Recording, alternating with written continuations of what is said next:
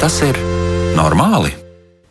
Esiet sveicināti studijā Kristiāna Lapiņa, bet pie skaņu pults Iveta Zvejniece. Un kā jau ierasts, runāsim par mums pašiem un to, kā mēs dzīvojam, par mūsu dzīves kvalitāti, psihisko veselību un par visiem tiem jautājumiem, kas ar to ir saistīti.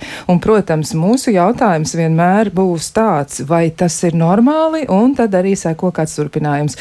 Noteikti aicinām iesaistīties arī jūs, un jūs varat sūtīt savas pārdomas, idejas, kādu jautājumu uz raidījumu elektronisko pasta adresi vai tas ir normāli, Latvijas radio.clv, un varat sūtīt ziņas arī Latvijas radio mājaslapā, atrodot raidījumu, vai tas ir normāls ziņojuma logu, un tur jau tālāk viss ir ļoti vienkārši. Ir tikai jāieraksta savus jautājumus vai kāda doma, un tad mēs uzreiz to varam arī ieraudzīt.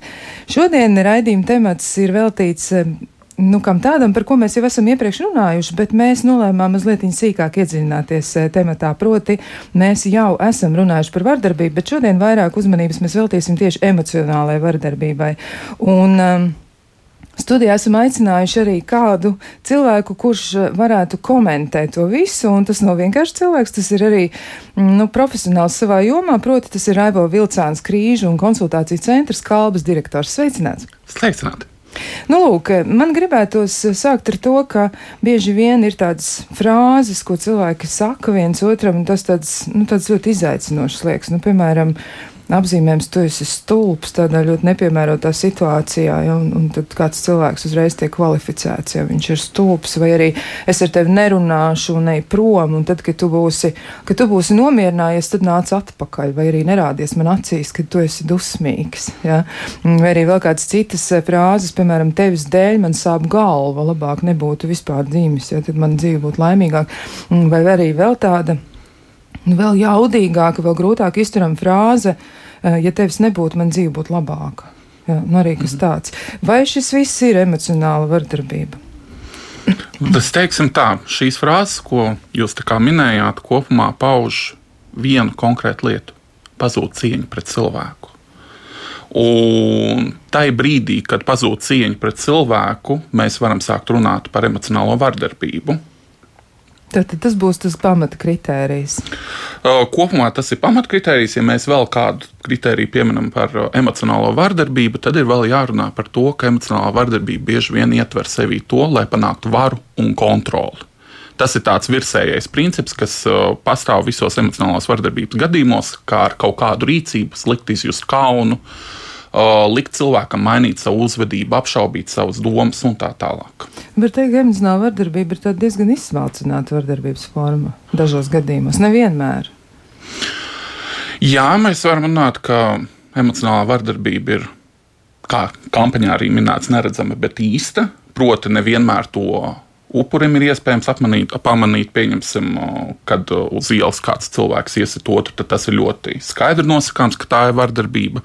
Un tā izpaužās daudz un dažādos veidos. Un kas ir lielākā nelaime laikam emocionālajai vardarbībai, ir tas, ka emocionālā vardarbība ietver arī to, ka tam cilvēkam, pret kuru vērš emocionāla vardarbība, tiek iedvesta ideja, ka viņš nav normāls, ka tas ir viņa izdomājums un attiecīgi cilvēks šī rezultātā sāk apšaubīt pats sevi un sāk apšaubīt savus robežas un savas tiesības uz viedokli. Jā, mēs mazliet pasteidzāmies arī uz priekšu. Tika pieminēta m, mm, kampaņa, bet kampaņa noteikti ir tiešām pieminēšanas vērta un vērts arī par to pateikt mazliet sīkāk pāris vārdus. E, proti ir e, Labklājības ministrijas iniciatīva, kur tiek īstenota laika periodā no 2022. gada 7. novembra līdz 2022. gada 16. decembrim. Un tā ir sabiedrības informēšanas kampaņa, kurai ir tieši šāds nosaukums - emocionālā vardarbība neredzama, bet īsta. Un tās mērķis ir veicināt izpratni par emocionālo vardarbību ģimenē Un arī aicināt atpazīt emocionālās vardarbības pazīmes un mudināt vērsties pēc palīdzības. Emocionālā vardarbība ģimenē var skart tik vienu, tāpēc Labklājības ministrija arī ļoti, ļoti aicina visus spērt pirmo soli un arī vērsties noteikti pēc palīdzības.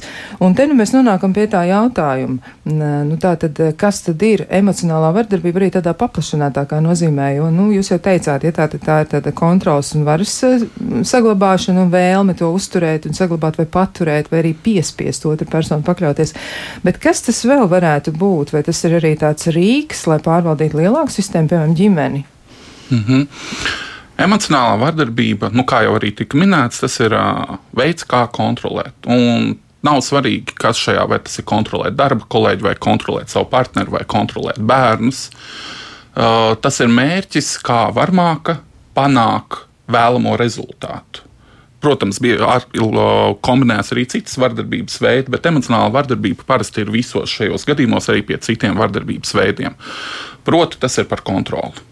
Jā, e, nu, ir tā, ka arī dati, kas um, ir ievākti un, un, un um, tādi cilvēki ir aptaujāti un arī ir mēģināts noskaidrot, kas tad ir kas, izrādās tomēr, ka tieši tas emocionālās vardarbības um, rakurs, jeb, jeb emocionāla vardarbība kā tāda, jeb, jeb nu, tas, ko mums vajadzētu par to zināt, tomēr ir maz izpētīts lauks, jo tieši tā arī e, sanāk, un dati par to liecina, ka tie ir nepietiekami apzināti procesi un grūti identificējami vardarbības veidi, un tā tad emocionālā vardarbība ir Tieši šāds veids, jo tā rada tā saucamās neredzamās uh, sekas, ja, bet uh, tomēr tas sekas taču ir diezgan būtisks, jo beig beigās jau cilvēks, kas ir ilgstoši pakļauts emocionālajai vardarbībai, sekas ir ārkārtīgi nopietnas. Jā, tieši tādēļ tiek runāts par to, ka emocionālā vardarbība ir tikpat kaitīga kā fiziskā.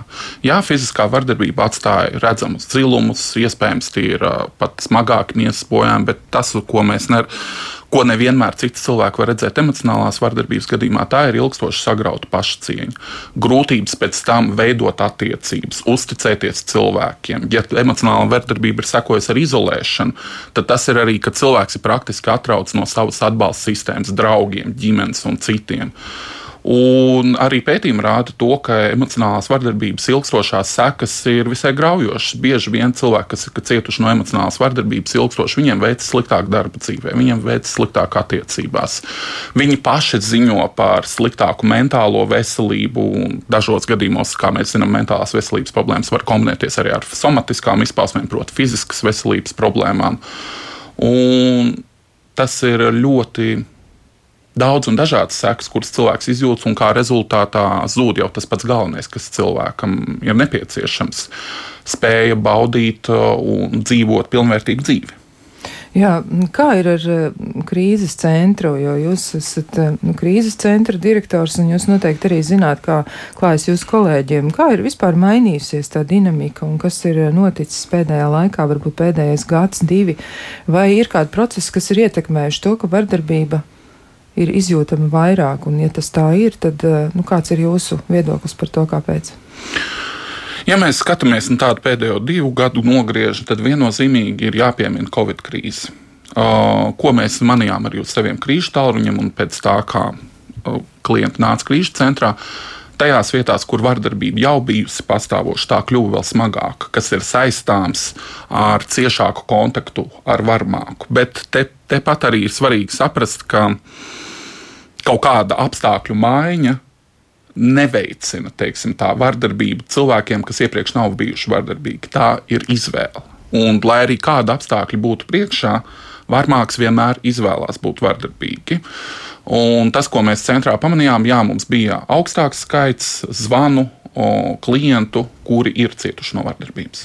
Bet kā ir šobrīd? Vai ir tā situācija mainījusies? Un jums ir arī labā ziņa, ko jūs varat pateikt klausītājiem. Jums ir arī tagad kapacitāte lielāka, ja jūs varat vairāk zvanītājus pieņemt.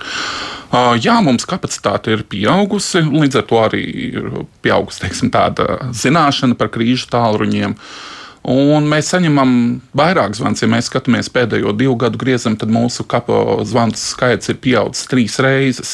Un līdz ar to arī proporcionāli cilvēki biežāk ir sākuši vērsties arī par dažādām vardarbības formām, un arī šo zvanu skaits ir pieaudzis. Bet ko viņi saka, kad viņi zvana? Un, piemēram, kā jūs ļaujat viņiem un, un, palīdzat saprast, ka tā ir emocionāla vardarbība, ka tā ir vardarbība? Vai ir kādreiz arī tādi nu, tādi maldi par to cilvēks varbūt arī ļoti vēršas pats pret sevi, un viņš tā īsti. Nu, tā skaidri nav pārliecināts par to, ka tas, kas notiek, tā ir vardarbība. Ko jūs mēģināt viņiem izstāstīt un, un kā jūs palīdzat? Jā, nu, ja mēs skatāmies uz uh, mūsu psiholoģisko pakalpojumu sniegšanu, gan uh, krīžu telefons, gan klātienes konsultācijas, uh, Tad tas, kas ir mūsu teiksim, lielais pluss, kā psiholoģijas nozares pārstāvjiem, ir tas, ka cilvēks spēj atraisīt savu stāstu. Un, ja cilvēks vēršas kādās citās vietās, vai tas ir o, o, pie kolēģiem, vai policijā, vai jebkur citur, tad parasti tā saruna ir īsa. Un šajā gadījumā cilvēks atraisa savu stāstu un pastāsta, kā viņš patiesi jūtas, kāda ir viņa dzīves notikumi. Un sarunas gaitā mums ir iespēja vērst uzmanību uz neveselīgām pazīmēm, uz robežu pārkāpšanu, uz draudiem, kā cilvēks jūtas tādās vai citās situācijās. Tas arī kļūst par pamatu, lai cilvēkiem pašiem būtu skaidrs, ka viņi nokļuvuši ne tikai nērtā situācijā, bet vardarbīgā situācijā. Bet kā tas vispār ir? Vai cilvēki atpazīst vardarbību un tieši emocionālo vardarbību? Jo arī šī paša tā, šīs aktivitātes ietveros, kas ir sākusies vēl mazliet pirms tam, jau, jo pirms Labklājības ministrija izsludināja šo iniciatīvu, tomēr ir veikts diezgan liels darbs. Un eh, izrādās arī, ka ir mm, veikts tāds apsekojums, kuram ir diezgan garš nosaukums ja, par personisko drošību un saskarsmu ar nevēlamu rīcību darba vietā, sabiedrībā, partnerattiecībās, ģimenē un bērnībā. Un tad diezgan daudz aspektu ir, eh, ir analizēti un ir konstatēts, ka vidēji no emocionālās vardarbības ģimenē, un tad, tad mēs runājam par ģimeni, bet nu, nu, tādā paplašinātā nozīmē tas ir jāsaprot. Tas nav tikai vecāki bērni, ja ģimenē ir daudz un dažādi cilvēki, ir dažādās lomās. Un tā tad eh, no, no, no šīs vardarbības eh, formas, emocionālā vardarbība, tā tad ģimenē cieši katra trešā sieviete un katrs piektais vīrietis. Nu, tie dati ir diezgan diezgan iespaidīgi, nu, tādā negatīvā nozīmē. Varbūt ir labi, ja mēs esam to uzzinājuši, bet ko mēs ar to varam darīt un kā to varētu izskaidrot? Jo tas sanāk, ka tas ir ļoti, ļoti liels cilvēku skaits. Jā, nu dien ir jāatzīst, ka tas ir uh, liels skaitlis. Ja mēs skatāmies varbūt plašākā kontekstā, tad Latvija. Diemžēl ir vardarbības antitopa, teiksim, tāda līdera vienā no augstākajām kategorijām, un tā vardarbība tiešām pie mums ir izplatīta. Uh, Un, ja mēs skatāmies, ar ko tas ir saistīts, tad tas ir dažādi apstākļi. Pirmkārt, kas ir ļoti nelāga lieta, ir tas, ka ir augsta tolerance pret vardarbību kopumā. Joprojām, diemžēl, sabiedrībā ir diezgan augsta tolerance pret vardarbību, un it īpaši pret emocionālu vardarbību. Un tas ir tas, ko arī bieži izmanto arī varmāks. Es taču tikai paaugstināju balsi. Es, tas bija vienkārši spraigs strīds. Uh, vai tev nepatīk dzirdēt patiesību. Es tikai saku patiesību, ka grūtības veicina tieši tas, ka mēs diezgan augstā līmenī tolerējam vardarbību, tīpaši emocionālo vardarbību. Un otra lieta, ka tā ir arī varbūt tādas izpratnes trūkums par veselīgām attiecībām, kas ir veselīga attiecību komponentes. Tas ir tāds plašāka sabiedrības problēma par tādas psiholoģiskās veselības izglītības trūkumu.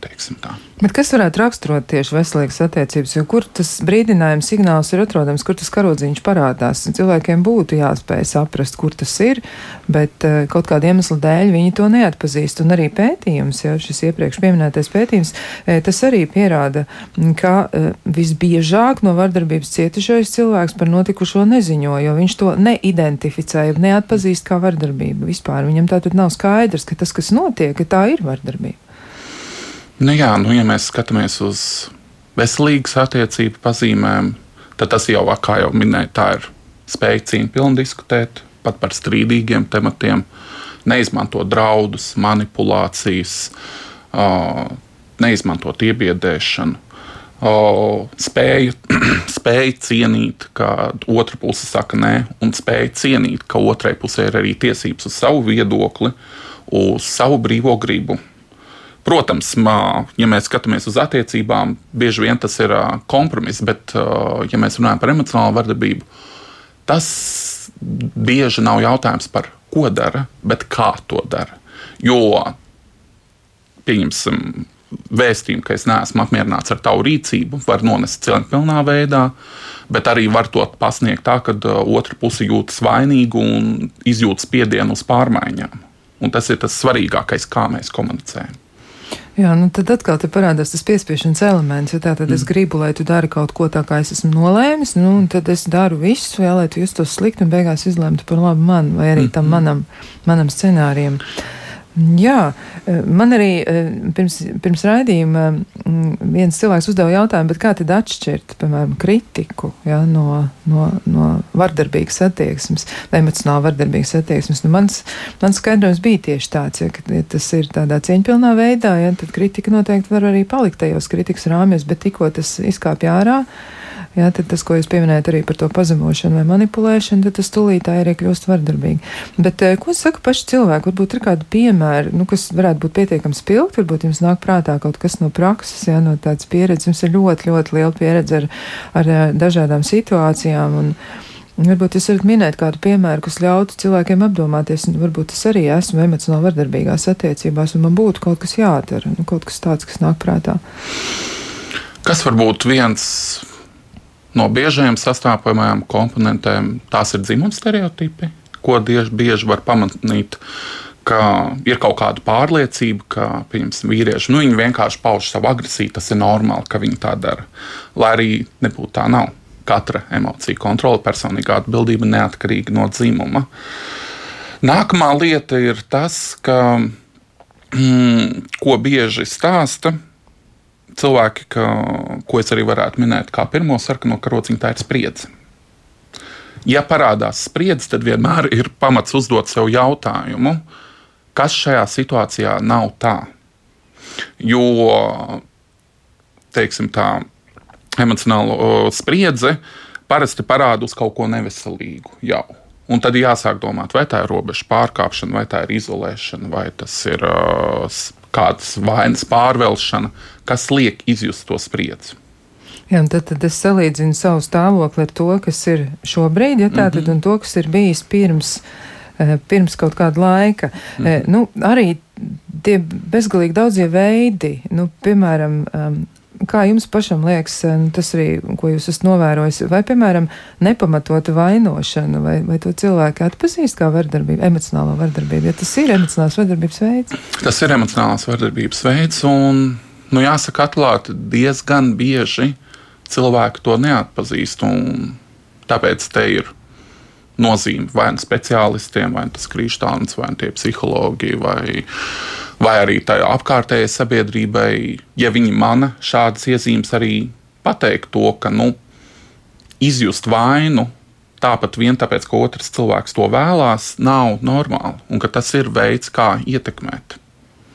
Tad, tad tur būtu jābūt tai iekšējai sakarības izjūtai. Bet mm -hmm. varbūt tā ir radusies kaut kur iepriekš, un tā jau ir tikusi izkropļota. Un kā, piemēram, mēs varētu salikt kopā emocionālās vardarbības pieredzi ar to, kā pēc tam rēģē cilvēks vēlākajā dzīvē. Jūs arī pieminējāt, ka cilvēki, kuriem mm -hmm. ir emocionālās vardarbības pieredze, viņi nu, vēlākajā dzīvē viņiem ļoti grūti veidot attiecības. Tad kas ir tas, kas uh, visvairāk tiek ietekmēts? Pašvērtējums, kas vēl? Nu, tas ir viennozīmīgi pašvērtējums, tā ir drošības izjūta. Tādā ziņā, ka cilvēki, kas ir bijuši ilgstošā emocionālā vardarbībā, viņi, viņi biežāk ir tendēti izjust kaut kādus riskus citos jau komunikācijas veidos, protams, ar bailēm, ka kaut kas atkārtosies, kas viņu pieredzē ir bijis.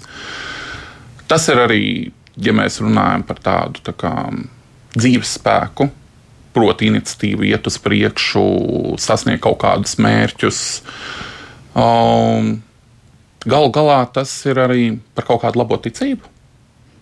Kad emocionālā vardarbība arī grauj to labo ticību pasaulē, apkārtējai vidē, kas ir ļoti būtiski mūsu ikdienas dzīvē, lai mērķiecīgi virzītos pie tā, ko mēs vēlamies. Jā, bet kā varētu sasaistīt kopā ar mūsdienu dzīvi? Labā ticība, tas jau tāds, nu, mm -hmm. nu tas it kā ir jauki, ja es ticu, ka cilvēki caurmērā ir labi. Mm -hmm. Vai vismaz viņiem tādiem vajadzētu būt. Nu, ar kaut kādiem dažiem izņēmumiem, ja, bet kopumā nu, kā man kā bērnam, piemēram, vai jaunam cilvēkam tiek iedot šī ideja par to, ka cilvēki kopumā ir labi. Bet es varētu neizrādīties pietiekami spēcīgi, lai tiktu galā ar to pasaules uzlikto slodzi. Un es varu kļūt par upuri emocionālajai vadarbībai vieglāk nekā cilvēks, kurš saka, ka viss pasaule ļauna, tur nekā, nav, nekā laba nav. Nu, šeit varbūt uh, nedaudz jāiet nu, tā tādā spekulācijā. Izaicinoši, jā, bet uh, varbūt jāiet tādās, tādā praksē, novērotajā informā, nu, tādā pieredzē.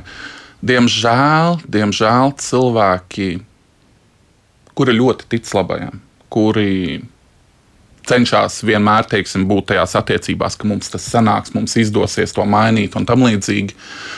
Viņi ir biežāk nosvērti kļūt par vardarbības upuriem, jo, diemžēl, varmākam tieši tas, kas ir vajadzīgs, ir eksploatēt to labo ticību kā resursu, kā var būt labāk un ievilkt cilvēku teiksim, tādā vardarbības ciklā par to, ka būs labāk. Jā, nu viņš tad turpina ticēt. Bet um, vēl arī domājot par to, kā tas tālāk varētu attīstīties, vai varētu arī tā būt, ka, nu, pieņemsim, ja kāds no vecākiem ir piedzīvojis emocionālo vardarbību, kā tas izskatās. Viņš visticamāk nākotnē taču varētu arī nu, diezgan nekritiski nokopēt vecāku uzvedības modeli attiecībā uz sevi, un tad viņš varētu arī kļūt par potenciāli varmāko attiecībā uz saviem bērniem. Um, Vai jā. es varētu precizēt, jūs domājat par vecāku bērnu nodošanu? Jā, jā mm -hmm. ja mhm. mums ir nu, cilvēks, kurš pats ir bijis bērns, ir piedzīvojis mm -hmm. emocionālu vardarbību, tādu varbūt izsmalcinātu, tiešām tādu, nu, tādu, tādu ļoti, ļoti nepatīkamu, kāds ir, nezinu, ir, ir dominējis un ir atteicies ar viņu runāt, un divas dienas mm -hmm. ir bijis klusums, ledains, ja tur no mm -hmm. mātes, piemēram, puses un tā. Un, un, un pēc tam Ja šo uzvedības modeli nepārskata vai nesaprot, kas tieši mm -hmm. ir mhm. tas, kas ir to noteicis, tad eh, ļoti, ļoti liela varbūtība taču pastāv, ka cilvēks arī savā dzīvē, tad, kad viņam būs jau savi bērni, viņš varētu arī rīkoties līdzīgi. Diemžēl, diemžēl tā augstāka varbūtība ir, jo vardarbība pati par sevi, jebkura vardarbības veids, ne tikai emocionāla vardarbība, ir ļoti pašatražojoša. Proti, ka vardarbība nerada neko labu Un tie, kas sastopās ar vardarbību, viņi, šie cilvēki ir, teiksim, tā, arī, ja mēs runājam par tādu ģimenes modeli, tad, diemžēl, ar augstāku varbūtību tie cilvēki kļūst vai nu par varmākām, vai nu par upuriem.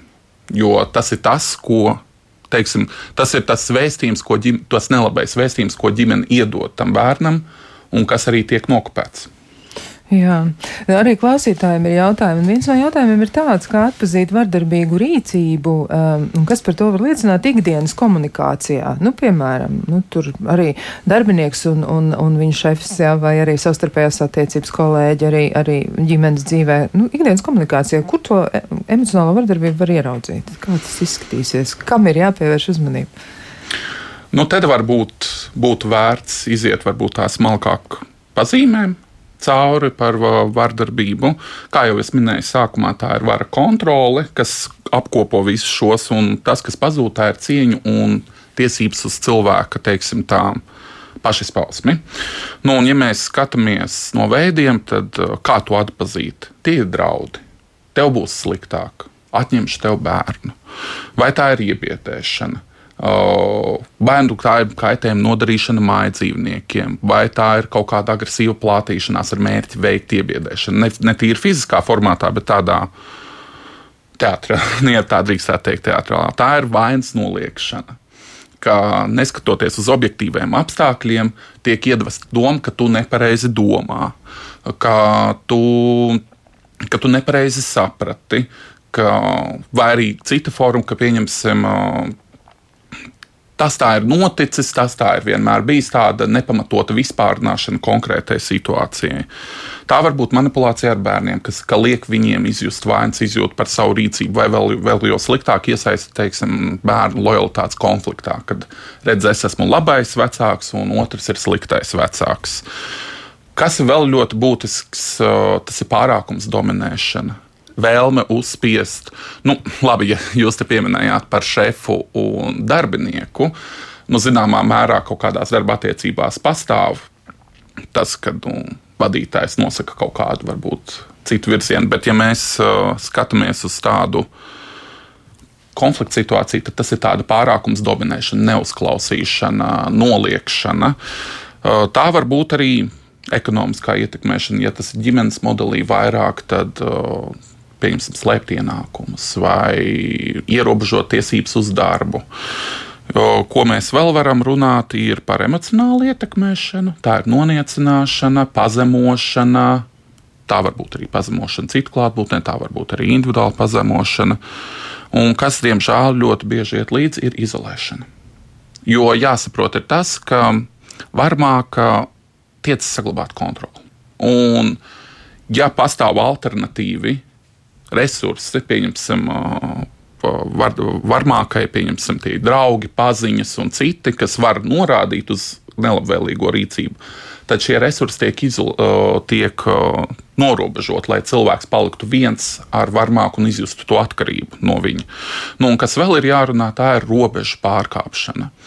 Mēs ikdienas dzīvē, veidojot attiecības ar citiem, mēs veidojam kaut kādas savas personiskās robežas. Mēs par kaut ko nevēlamies runāt. Mēs kaut kādās aktivitātēs nevēlamies iesaistīties. Un mērķiecīgi šo robežu pārkāpšana, neklausoties otrā, arī ir viena no pazīmēm, kā atpazīt emocionālo vardarbību. Jā, nu tā tad eh, arī tas, ja, piemēram, cilvēks, nezinu, darba sarunās, viņš dzird kaut kādu nicinošu izteikumu par sevi, ja, vai viņš tiek kaut kādā veidā mm, apsaukāts, tad automātiski uzreiz mēs varam pieņemt, tā varētu būt emocionāla vardarbība. Nu, nicināšana un pazemošana nekādā gadījumā nav nekā, nekādos tādos apstākļos nav pieļaujama, jo šeit ir, šeit ir tas, kas varbūt es nosaucu te vairākas dažādas pazīmes, kuras varbūt citiem klausītājiem būs grūti atcerēties, bet uh, viena no tā, ko es varētu gribēt uzsvērt, ir pazūd cieņa. Jo pieļautā darbā kļūdu viņu var pasniegt, pieņemsim, vienā veidā, kad nu, es, mēs pārbaudījām, redzējām, ka tu kļūdījies. Var arī pateikt, ka tu neko nespēji, neko neēdzi. Un tie ir divi būtiski atšķirīgi vēstījumi. Vienā formātā mēs paziņojam to cīņpilnu, otrā veidā mēs to uh, paziņojam tā, lai cilvēks justos slikti par to, kas ir noticis. Jā, nu tad tas mērķis ir diezgan atšķirīgs. Tomēr arī atzinības liekšana tas arī ir kas tāds, ko ir ļoti, ļoti mm. grūti izturēt. Nu, eh, vēl ir arī tāds um, jautājums par to, nu, kāds varētu būt um, emocionālās vardarbības veicējs. Nu, tāds portrets vispār ir izveidojams, un mēs varam iedomāties tādu mm, cilvēku. Bet laikam tas gluži tā, nu, iespējams varētu arī nebūt. Viņš varbūt arī ļoti tāds it kā jauks un šarmants, bet ļoti manipulatīvs cilvēks. Un tad, kad jūs nonākat ar viņu acu pret aci, tad viņš parāda savu īsto dabu. Uh, jā, nu, teiksim tā, veidot. Uh, Pirms mēs veidojam portretu, es gribētu pateikt to par upuri, un par varmāku var būt jebkurš neatkarīgi no dzimuma, vecuma, izglītības un jebkādiem citiem parametriem. Bet, nu, ja mēs skatāmies uz tādu portretu, tad bieži vien varmāks ir vīrietis. Protams, tas neizslēdz, ka arī sievietes var būt varmākas, ka tas ir vīrietis, un uz ko mēs vēl skatāmies, tas ir um, pārliecības, ka vardarbība ir attaisnojama, pārliecība, ka otra robežas ir uh, elastīgas. Um, un kopumā mēs uh, skatāmies uz to, ka mana rīcība ir pareiza. Un tas ir ļoti bīstams signāls, kad cilvēks uzskata, ka jebkurā gadījumā viņa rīcība ir pareiza, ka nepastāv kaut kādas šaubas tam. Un tas ir tas, ko bieži vien arī tajā portretā var redzēt, un tas, kā tas vēršas, tie ir tie galvenie argumenti. Man ir taisnība, tev nav taisnība, tas uh, tu nepareizi domā, nu, tā tālāk. Jā. Jā, nu tā tad ir, ir tomēr kaut kas, ka mēs varam pievērst uzmanību, varam atpazīt arī šīs pazīmes. Jā, mums vēl ir diezgan daudz jautājumu, bet tos mēs uzdosim pēc īsa brīža.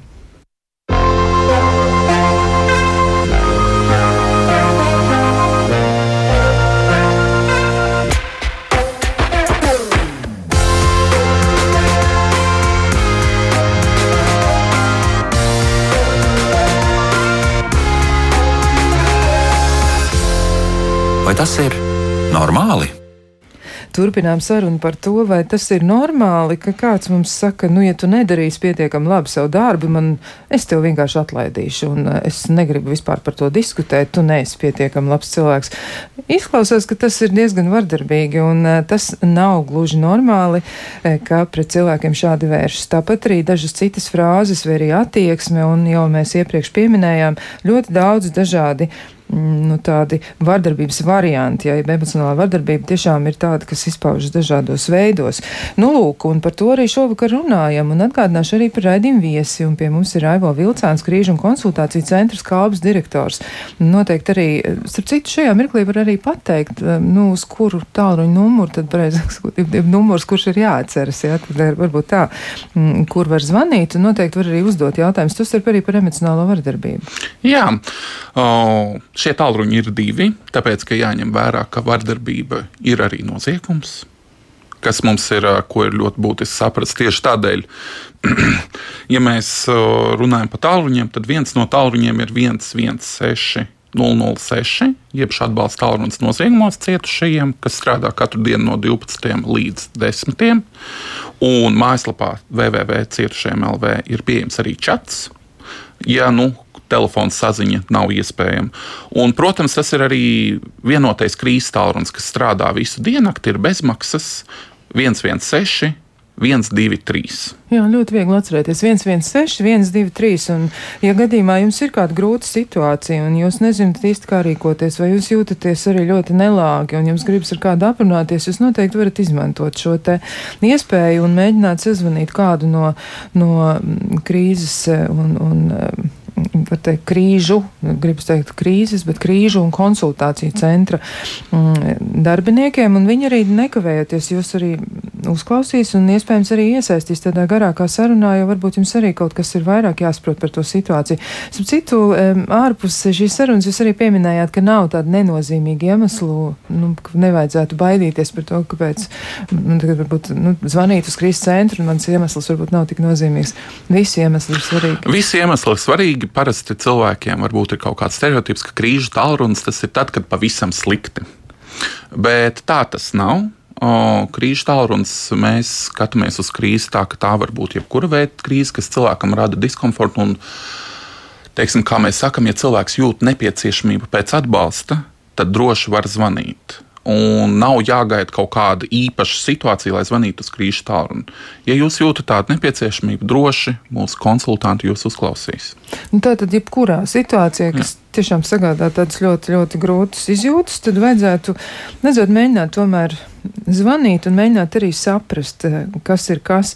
Vēl arī jūs pieminējāt iepriekš nu, tās frāzes, ar kurām emocionāli vardarbīgi cilvēki reizēm uzsāk eh, sarunu, vai arī kā viņi atbild. Viņi arī reizēm mēdz tā teikt, nu, man ir jāsaka patiesība, ja tu tikai neapvainojies, ja, bet nu, tad es būšu pilnīgi godīgs, nu, un tad eh, klāja vaļā visu, kas sakāms viņiem ir. Mm -hmm. Izraisot cilvēkā ļoti dziļas tādas un, un ļoti grūti izturams emocijas. Mm, bet kā ir, piemēram, ar klusēšanu? ļoti daudz cilvēku izmanto klusēšanu kā tādu sodu. Vecāki klusē un nerunā ar bērniem, reizēm partneri ilgi nesarunājas viens ar otru. Jā, nu šeit mēs varētu šo iekategorizēt, teiksim, tādas manipulācijas, jo klusēšana ir ar mērķi panākt kaut kādas izjūtas nelāgas vai kaut kādu rīcību, lūkša, piedošanas lūkšanu, atvainošanos. Un te atkal ir jāskatās, ka piedošana nedrīkst pieprasīt, teiksim, tā, ka cilvēks izjūt vajadzību atvainoties, ja viņš saskata savu, nu, viņš vai viņa saskata vainu sevī.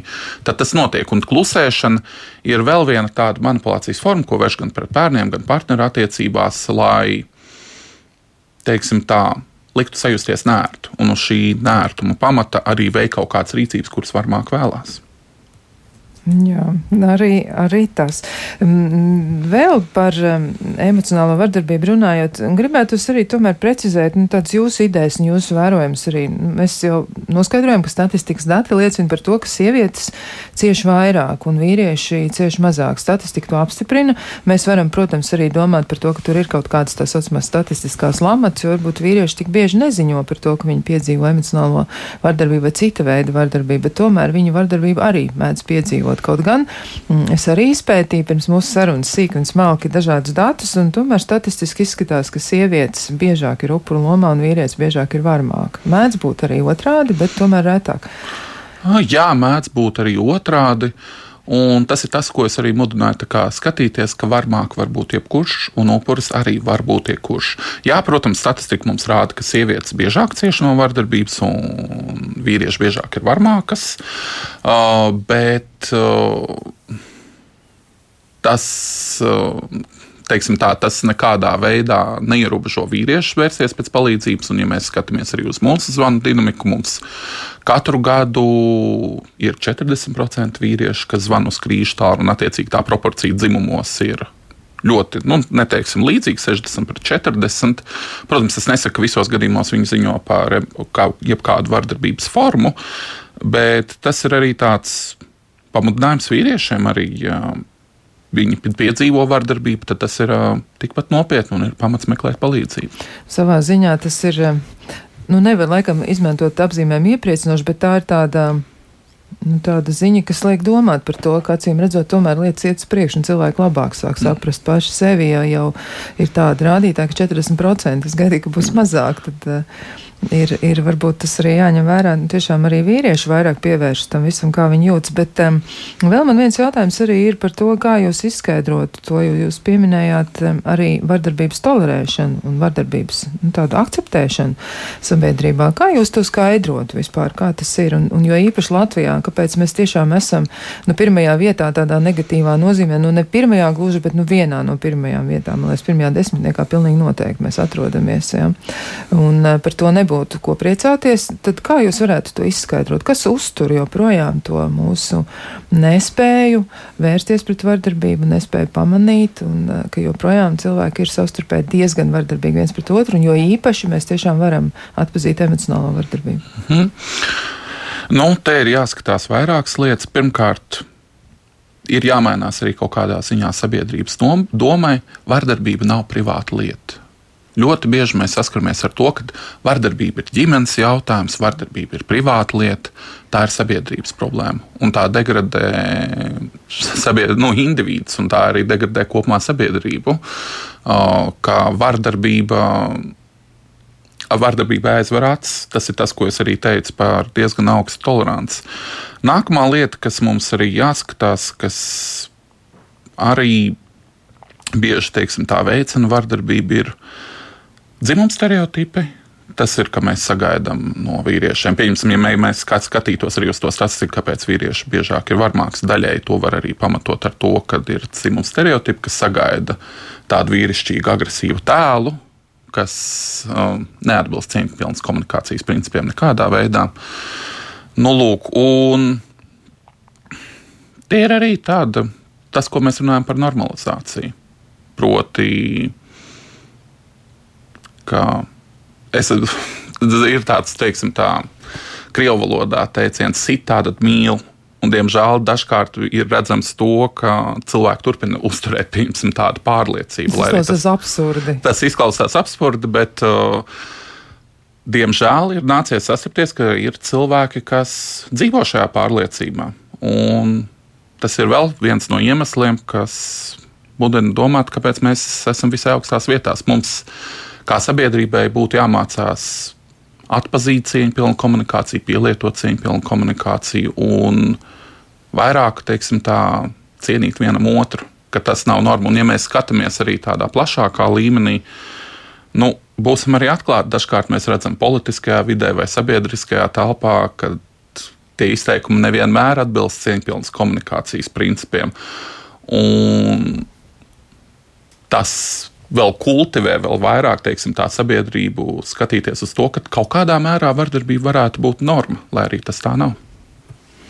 Jā, diezgan daudz, kur tomēr tā ir. Un kā, piemēram, jūs raugāties uz to un arī vērojot eh, to, kas notiek jūsu praksē un uzklausot cilvēkus, Nu, viņus ietekmē tas, kas ir eh, subkultūrā vai kultūrā kaut kur, vai tas, kas notiek. Um, ļoti grūti ir arī nošķirt sevi no tā, kas notiek ap mums. Mēs nevaram dzīvot tādā izolētā mhm. vidē un tādā burbulī. Pasaule mūs ir panākusi un notiek tādas diezgan baisas lietas brīžam. Kā jūs to saredzat, vai cilvēki iespaidojas no tā? Vai tas ir grūtāk izturami arī tāpat emocionālā vardarbība? Varbūt viņi arī ir saistīti, piemēram, ar kara klātbūtni vai, vai ko tādu. Kā cilvēki to izjūt? Nu, teiksim tā, ja mēs runājam par kara situāciju, tad tas neviennozīmīgi ienes kaut kādu spriedzi, ikdienas dzīvē, bailes, bažas, bet tās ir teiksim, tādas normālas emocijas, tas nav pamats kaut kādai vardarbībai. Tā attiecīgi vardarbība arī vairāk neizpaužas uz tādas spriedzes pamata. Um, jā.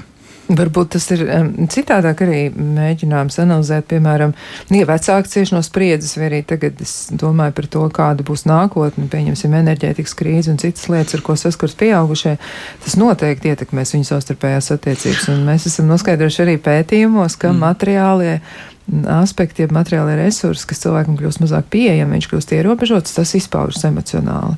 Tas izpaužās emocionāli, ja mēs, par, ja mēs runājam par tādām topošām krīzēm, kas būs. Bet atkal te ir svarīgi saprast tieši situācijas var būt dažādas, krīzes var būt ļoti, ļoti dažādas, un, bet tas neliedz mums un neatceļ pienākumu cienīt vienam otru. Un it īpaši cieņa, tas ir ļoti spēcīgs resurss dažādos apstākļos. Attiecīgi, neskatoties uz to pieaugušo spriedzi, teiksim, tādu diskomfortu, kas ikdienas dzīvē piemīt, mums ir jāvelta varbūt vairāk kaut kāds laiks sev, savai emociju apzināšanai un uh, savu resursu meklēšanai, bet tas nekādā veidā nu, neatceļ tādu vardarbības izplatību, nu, teiksim, tādu attaisnojumu vardarbības izplatību. Jā, nu, arī klausītājiem ir jautājumi, bet viņi vairāk fokusējas uz to, kā tieši darbā tas izpaužas. Nu, piemēram, profesionālajās attiecībās tur tas vardarbīgums arī varētu būt uh, pamanāms, un emocionālā vardarbība reizēm tiešām, nu, jūs jau gan pieminējāt to, eh, nu, padotā un, un priekšnieku situāciju, ja, kur kur varētu būt nu, kaut vai tā dabiskā hierarhija, kas tur ir, tas ir skaidrs. Tā ir kaut kāda uzdevuma deleģēšana, pēc tam pārliecināšanās par to, vai tur viss process notiek, bet tas jau neizslēdz cieņu. Bet tajā pašā laikā, vai šis sociālais status varētu izraisīt arī tādas nu, problemātiskas um, sekas, un vai varētu parādīties uh, nu, emocionālās vardarbības riski, un ja ir, tad uh, kā tieši tie būtu atpazīstami? Uh, nu, teiksim tā. Uh, nav pat jābūt kaut kādai augstākai teiksim, tādai hierarhijai darba vidē, lai būtu kaut kāda emocionālās vardarbības pazīmes, proti, mm, hominka. Un īsnībā jau to atpazīt var tieši tāpat, kā mēs runājam par ģimenes attiecībām, ka tā ir pazemošana, tā ir noniecināšana, nepamatota prasība izvirzīšana, likt pār, pārtaisīt vienu un to pašu darbu bez jebkāda objektīva pamata. Uh, teiksim, tādas negatīva mikroklimata radīšana darba vidē, savstarpēja kaut kādu runu laišana, baumošana. baumošana jā, jā. Jā, tas ir, tas ir starp citu tieši tādos darba kolektīvos. Ir uh, diezgan izplatīts. Un to var veikt ne tikai kaut kāda vadības pārstāvja, to var veikt arī teiksim, tādā amatu hierarhijā viena līmeņa kolēģi. Un, nu jā, un tas, uh, tas būtu tieši tas pats, ka ir kaut kāda ietekmēšana. Diemžēl arī mēs bieži dzirdam par gadījumiem, kad zina, ka cilvēks ir emocionālā atkarībā no darba vietas, jo darba vieta ir tur, kur mēs gūstam ienākumus, tad tā attieksme arī tiek izpausta nevis. Nevis objektīvi, pieņemsim, kā darba devējs var objektīvi izvērtējot apstākļus, konstatēt, ka vai nu nevar atļauties tik daudz darbiniekus, vai uh, un tā tālāk, un par to paziņot, bet tas tiek izmantots kā rīks, ka, ja tu nedarīsi tā, kā es teikšu, es tevi atlaidīšu. Un tā ir atkal būtiska atšķirība, kā atpazīt to darba vietu, emocionālo vardarbību tieši darba vietā. Jā. Un tas atkal, ko, teiksim tā, ja mēs skatāmies, ļoti, ļoti grūti runāt par daudz dažādām pazīmēm, bet būtiski uzjautāt ir to, vai manī ir spriedze un vai šeit ir cieņa. Cieņa pret mani. Jo bieži vien, kad pazūd cieņa, tad arī rodas tās situācijas. Nu, laikam, bez cieņas nav īsti iespējams nevienas tādas, tādas drošticamas attiecības, kas būtu nozīmīgas mums. Diezgan daudz dažādu problēmu ar to ir saistīts. Tiešām emocionālā vardarbība ir problemātiska, bet um, kas vēl varētu būt nu, tāds nozīmīgs, ko vēl vajadzētu paturēt prātā, kāpēc par emocionālo vardarbību vajadzētu ziņot? Nu, kādas vēl varētu būt sekas? Mēs arī nedaudz pieminējām to, ka psihoemocionālais stāvoklis mm -hmm. destabilizējās veselības cilvēkam. Bet tur ir arī vēl daudz citas lietas, un, piemēram, veselības traucējumi. Jā, nu, kā mēs arī pārunājām, tas uh, var būt daudz dažādu veselības traucējumu, jo jāsaprot arī tas, ka mūsu mentālās veselības fonds ir sasaistīts arī ar mūsu fiziskām aktivitātēm. Ja mēs teiksim, lietojam tādu jēdzienu psihosomatika, tad tas ir arī saistīts, kā mēs jūtamies fiziski. Protams, ne visos gadījumos. Un, uh, Protams, ja mēs skatāmies tādas ilgstošākas vardarbības sekas, tad varbūt negribētos iekāpt tādā ārsta lomā, bet tie var būt sirdsdarbības traucējumi vai tie var būt citu kaut kādu veselības blakņu, teiksim, tādu pamatā.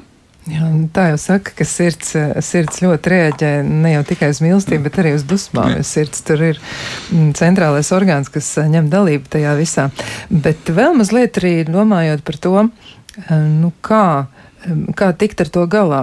Vai ir iespējams transformēt tās savas uzvedības formas, ja cilvēks saprot, ka viņš ir emocionāli vardarbīgs? Un te man nāk prātā arī tāds ļoti, ļoti sens sociālo-psiholoģisks eksperiments, ko savulaik veica Zimbardo grupa, un droši vien tie mm, klausītāji, kas ir studējuši psiholoģiju vai kaut kur blakus tur ir bijuši, jau vai varbūt arī paši ir lasījuši šos te materiālus. Nu, tā tad eh, Stanfords universitātes studenti tika iesaistīti eksperimentā, un pamat ideja bija tāda mēģināt novērtēt to, vai sociālā loma un tas status ietekmē cilvēku, un vai viņa uzvedība mainās, un tad tika sadalīta sadalīti viņi divās grupās. Tātad bija cietumsargi un bija ieslodzītie. Un izskatījās tomēr, ka um, nomas ietekmē ļoti spēcīgi cilvēks. Tātad viņa uzvedība mainās. Ja mēs domājam par to, ka notiek šādas izmaiņas un viņas ir nu, tādas relatīvi negatīvi vērtējamas, vai mēs varam cerēt arī uz to, ka uzvedība var mainīt nu, labo pusi? Mm, uzvedību Varmākam. Varmākam, jā, un arī upurim, jo būtībā jau arī upura izēja no tās situācijas ir tāda, ka viņš spēja saprast, kas ar mani notiek, mm. un ka man šis ir jāpārtrauc, un ka man ir arī jāuzņemas daļa atbildības un līdzdalības tajā procesā, jo ja es visu laiku esmu upurs, es jau arī no turienes ārā netieku. Nu, jā, nu. Um, teiksim tāds, ja mēs skatāmies uz to varmākas uzvedību, tad ko mēs arī bieži pamanām tieši vardarbīgās attiecībās, par kurām mums ziņo, ir tas, ka varmāka nemainās, ja vien pats to nevēlas. To ir ļoti būtiski saprast, ka bieži pastāv kaut kādas tādas ilūzijas, ka man kaut kā sanāks to mainīt, vai es kaut ko to ietekmēšu, vai man tikai jāpaciešās. Bet, ja varmāka nesaskata to kā problēmu, vardarbību, tad tas ir ļoti būtisks signāls ko, un arī jautājums, ko pašam uzdot sev, vai es spēju būt ar tādu cilvēku kopā, kas manas pārdzīvojums neskata kā nopietnas esam. Nu, un, ja mēs, protams, skatāmies um, par upuri un, teiksim, tā kā, ja mēs varētu tā teikt, pretoties emocionālajai vardarbībai, tad tas ir, sāksim ar to, ka tas ir saprast, ka tas ir par varmākas rīcību, ne par pašu upuri. To ir ļoti būtiski saprast, jo bieži vien tā izpratne, kur es esmu vainīgs un kur otrs ir vainīgs, ir visnotaļ izjaukta. Bet vardarbība ir mērķiecīgs iebrukums tādās uh, personīgās robežās, un tas ir vienmēr par tas, kas tā veids rīcību. Protams, mēs varam norādīt uz robežām. Uh, un saprast arī to, ka mums ir tiesības uz personiskajām robežām. Un, ja mēs sastopamies tādās, pieņemsim, darba kolektīvos situācijās, tad rīkoties vēsi racionāli. Jo tieši tas, kas ir uh, ko vēlās varmāk, ir tas, ka panākt emocijas kaut kādas un uz tā bāzes pieņemts lēmums. Un arī saglabāt mieru. Mēģināt saglabāt mieru. Bet, ja mēs runājam par tādām partnerattiecībām, tad ir vēl viena būtiska lieta, ka pat ja mēs kaut kā izstrādājam to mehānismu, kā stāties pretī emocionālai vardarbībai, vai te ir būtisks jautājums apsvērt, vai šādas attiecības ir nepieciešamas. Jo, diemžēl, diemžēl varmāka meklēs citus ceļus un citus veidus, kā to mieru teiksim, pāraut. Un vai tas ir tiešām nepieciešams, vai mēs spējam uzticēties tādam cilvēkam, kas mērķiecīgi pārkāp mūsu robežas. Jā, ir arī dažreiz tādi izteikumi, kas, eh, manuprāt, ir uztverami ļoti kritiski. Es esmu dzirdējis, ka cilvēki mēdz teikt, ka katrs upurs atradīs savu varmāku, jā, um, un, un ka varmāka atradīs upuri. Nu, drīzāk mēs to varētu varbūt saprast tā, ka cilvēks izvēl, izvēlas nākamo partneri neizvērtējot kritērijus, kas viņam varētu pašam noderēt, lai viņš izvairītos no tādām varmācīgām, emocionāli vardarbīgām attiecībām. Ko varētu varētu darīt eh, cilvēks pats ar sevi, lai viņš varētu sev palīdzēt? Nu, kā viņam mēģināt izstrādāt varbūt tādu algoritmu, lai viņš izvairītos no tā, ko viņš jau ir vienreiz pieredzējis un kas ir bijis grūti? Jā, nu, teiksim tā, kā spēcināt sevi pēc emocionālās vardarbības un kā apzināties, nu, ir daudz dažādu lietu. Es varētu varbūt parunāt par dažām. Viena lieta, ko es varētu pieminēt, protams, ja ir iespēja uh, tā, tā ir psihoterapija vai psihologs. Protams, ja ir tāda iespēja. Ja tādas iespējas nav, tad mēs varam runāt par to, ka tas ir būt veselīgā vidē, kur ir iespējams izjust drošību, kā kuram tas ir. Citiem tas ir pie draugiem, citiem tas ir pie vecākiem, citiem tas ir pie kolēģiem. Un ko ir būtiski saprast tieši emocionālās vardarbības kontekstā, saprast emocionālās vardarbības pazīmes, saprast, kā tas ir noticis tieši ar to cilvēku, un atzīt sev, ka tas nebija normāli. Un, jo, teiksim tā, pamatot attiecības, ir ļoti būtiski arī sev saprast, kas tad īsti nebija normāli attiecībās. Saprast arī, kādas ir veselīga attiecību pa pazīmes. Tas ir arī ļoti būtiski, lai saprastu, teiksim, tā, uz ko iet. Nu, lūk, un, ja tas ir jau vēl joprojām cilvēks ir attiecībās, tad arī kas ir būtiski saprotams, ka vardarbība ir cikls. Un vardarbība ir cikls, kurā nosacīti labi momenti atkal pārtop vardarbībā. Un, teiksim, tā atmiņas par kādreiz bijušo labo laiku ir veikts kā varmāka piesien upuri pie sevis. Kas ir vēl būtiski, tas ir arī būt pašiem drošiem, izteikt skaidri, ko jūs nepieņemat, kādas ir jūsu robežas, un nepieļaut pazemošanu pret sevi. Pieņemsim, ka uh, es varu uzklausīt problēmu, bet es ne, nu, netolerēšu tādu sevis pazemošanu. Un, ja tāds arī tāds vispārējais, teiksim, tā, ja tā to var noteikt, ieteikums, tas ir pēc emocionālas vardarbības, tas ir atrast lietas, kas iepriecina un rada prieku dzīvē, jo cilvēki pamatot tādas attiecības jūtas diezgan tukši. Jā, tā ir. Un uh, arī klausītāji raksta, um, arī viņiem ir uh, nu, sava pieredze, un mēs noteikti varam mēģināt arī to tā ļoti, ļoti īsi raksturot, jo mūsu saruna jau tuvojas noslēgumam. Bet jautājums, vai emocionālā vardarbība ir arī tad, ja vīrs negrib risināt konflikta situācijas, norobežojas, nerunā, neizrāda interesi risināt problēmu, bet piekrīt visam, ko saku. Var nerunāt ilgi, nedēļu mierīgi, un sievai vienmēr ir jāatvainojas pirmajai. Nu, izklausās, ka tā ir emocionālā vardarbība. Oh. Nu, jā, nu, šeit mēs tagad esam iegājuši tādā vērtējošā lomā, bet, ja mēs skatāmies uz to, ka sievai ir jāatvainojas pirmajai, tas ir, tā, tā ir nu, ļoti, būt, jā, tā nu, ir ļoti būtiskā frāze. Tā tad ar tādu rīcību Nu, tiek tik sagaidīts kaut kāds rezultāts. Jo, Jā.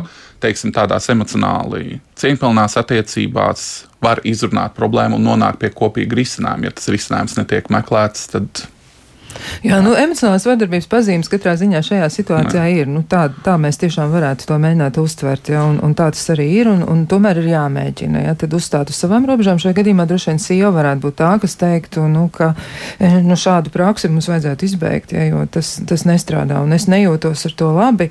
Ja, un te varbūt runāt ne par pašu cilvēku, bet par rīcību. Mm -hmm. ja, tas ir tas, kas man neliek justies labi. Un vēl arī pašā noslēgumā vēl viens komentārs, un komentārs ir tāds, varbūt sievietes ir emocionāli jūtīgāks, bet ja vīrietis bieži vien uzrunājot, grib tūlītēji un nekavējoši atbildēt, vai darbība tūlīt un tagad, ja, tad, un, un ja nē, tad vairs nerunā. Un, eh, un kā jūs sakat, ar klusēšanu liek saprast, ka otrs vainīgs. Ja, nu arī ļoti vardarbīga izturēšanās būtībā. Mm. nu, tas, ir, tas ir vēl viens, par ko mēs runājam. Tā ir tā spriedze. Atbildi vajag tagad un tūlīt. Nekavējoties. Nekavējoties. Otrs cilvēkam ir tiesības pārdomāt, sniegt atbildi vēlāk. Un tā ir tā cīņpilna izturēšanās, ka, ja cilvēks nav gatavs tagad runāt, ka mēs vienojamies par kaut kādiem nosacījumiem un kaut kā nonākam pie risinājuma, bet šeit, tagad un tūlīt, pretējā gadījumā es apvainošos un gaidīšu atvainošanos. Jā, nu, Nu, atkal tās ir jā. manipulācijas. Jā. emocionālajai vardarbībai ir ļoti, ļoti tīkams manipulācijas. Tā, nu, diemžēl tas ir. Jā, nu, ļoti grūti atpazīstam vardarbības formu, bet tomēr mums ir jāmēģina būt vērīgiem un jāmēģina sevi arī no tās pasargāt. Nu, mūsu saruna šajā vakarā ir galā, un es saku paldies Raipo Vilcānam, krīžu un konsultāciju centra kalbas direktoram. Saku paldies arī cilvēkam, kas bija pie skaņa pūles, proti tā ir Iveta Zvejniece, un klausītājiem novēlam esiet vērīgi un mēģiniet pasargāt gan sevi, gan arī citus. Lai jums jauka nākamā nedēļa!